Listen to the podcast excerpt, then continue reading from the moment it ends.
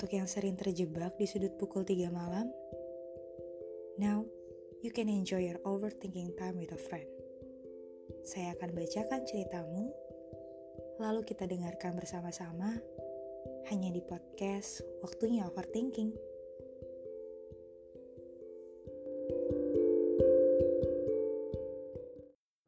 Annyeong, kali ini aku membawakan sebuah cerita dari seorang teman yang DM-nya masuk ke aku. Isinya seperti ini. Kak, kenapa malam ini aku ngerasa kayak perasaanku sakit?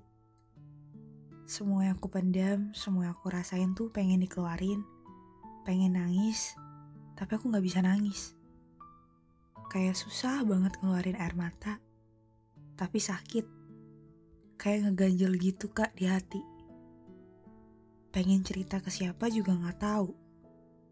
Karena mereka yang suka cerita ke aku, jadi aku kalau cerita mereka nggak bisa kasih solusi. Kecuali ya udah nangis. Tapi aku udah berusaha buat nangis nggak bisa kak. Udah nonton film, dengerin lagu, tapi tetap aja ganjel. Awalnya baik-baik aja tapi setelah sholat isya tadi, langsung dek, sakit banget. Kenapa aku sedih kak? Tapi aku gak bisa ngeluarin semua. Pengen nangis yang benar-benar kejar banget, biar besok gak nangis lagi. Pengen ngeluarin semuanya. Aku benar-benar gak tahu mau cerita ke siapa. Aku gak mau ngerepotin orang tua karena aku lagi gak bareng sama mereka. Aku gak mau mereka khawatir. Bener-bener rapuh banget kali ini. Well, DM ini masuk beberapa waktu yang lalu. Baru tadi sempat aku balas.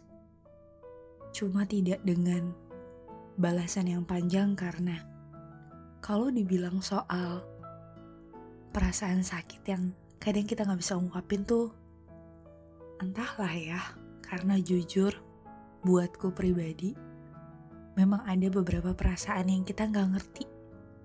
Alasannya apa, penyebabnya apa, tapi tiba-tiba datang. Walau sebenarnya kalau kita bicara soal teori mungkin, atau bicara soal hal lain yang ada orang yang konsen tentang permasalahan tersebut, mereka bilang masalahnya tetap harus dicari dan mungkin memang betul, kita tahu ada masalahnya apa, kita tahu penyebabnya apa, tapi kita nggak pernah berani buat mengakui hal tersebut. Kita nggak berani mengakui, kita nggak mau menerima, dan kita ngerasa kebingungan. Sampai akhirnya kita cuma bisa sedih dan berakhir bilang gak tahu sedih karena apa. Well, dulu aku pernah menjadi seseorang yang dikit-dikit nangis sendiri. Gak mau cerita, mendem semuanya sendiri. Sering banget. Sampai kemudian, aku belajar bahwa hal tersebut tidak baik. Untuk diriku sendiri tidak baik. Hingga kemudian, sama kayak teman yang tadi cerita, aku cari cara untuk meradakannya. Nonton, dengerin lagu, baca buku, nulis. Mungkin karena aku sering menekuni semua itu, yang mana aku gak terus-terusan bertanya ini kenapa sih, atau aku tidak sering-sering mengeluh atau tidak menerima diri sampai bilang kayak, ini gue kenapa sih gitu pada akhirnya aku menemukan jawaban, pada akhirnya aku tiba di satu titik bahwa, oh ya, perasaan ini ada untuk aku terima agar kemudian bisa diurai. Gimana cara ngurainya? Aku cari satu-satu, pelan-pelan terima satu-satu. Alasan pertamanya apa ya? Apa yang bikin sakit ya? Apa yang ternyata selama ini mengganjal ya? Karena bisa jadi yang bikin sakit dan bikin ngerasa sesak dan merasa sedih serta ingin nangis adalah sesuatu yang belum terselesaikan jauh sekali dari kamu saat ini. Bisa jadi itu adalah masa lalu di beberapa tahun silam. Yang kamu sendiri bahkan gak tahu jika hal tersebut bisa menyebabkan trauma pada dirimu. Bisa menyebabkan luka dan sedih yang tidak berujung. Di usia sekarang, setelah banyak hal yang akhirnya aku lewati, aku menyadari bahwa banyak sekali hal yang terpaksa kita simpan sendiri karena kita terbiasa untuk dijadikan tempat cerita. Sehingga kita selalu ngerasa gak ada yang bisa denger, gak ada yang bisa kasih solusi. Mereka cuma bisa bilang ya udah nangis aja. Padahal bisa jadi kamu emang gak butuh solusi. Kamu cuma butuh didengar, kamu cuma butuh diperhatikan, kamu cuma butuh dipeluk. Kadang satu-satunya cara ketika kamu ngerasa gak ada satu orang pun temanmu yang bisa memeluk atau mendengar atau memberikan solusi, mungkin kamu harus mencari ahli. Saat ini, ada banyak sekali lembaga ataupun tempat konsultasi ataupun ada tempat cerita yang tidak perlu mengeluarkan biaya besar.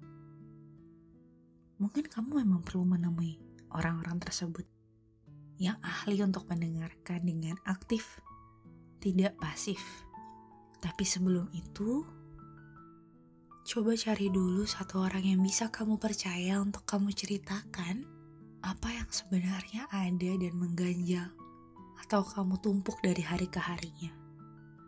Bilang ke mereka bahwa aku tidak butuh solusi, Aku tidak butuh hal lain, aku cuma ingin didengarkan dengan baik dengan sesama tanpa diduakan perhatiannya. Maksudnya, jangan sampai ketika mereka mendengar ceritamu, ketika kau men berniat menceritakan ceritamu ke mereka, mereka main handphone. Sebetulnya itu kan yang ditakutkan banyak orang saat ini untuk cerita. Karena mereka tidak didengarkan sepenuhnya. Dan memang mencari pendengar aktif itu susah, tapi tetap akan selalu ada. Di luar sana ada banyak sekali pendengar aktif yang bersedia mendengar ceritamu. Dan untuk teman-teman di luar sana, ketika kamu ngerasa ada yang ngeganjel di hidupmu, pengen nangis tapi nggak bisa, coba dengan sangat untuk cari tahu penyebabnya apa.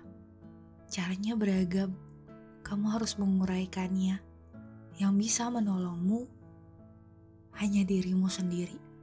Orang lain ada untuk membantu, dan mereka bisa membantu jika dan hanya jika kamu mengizinkan.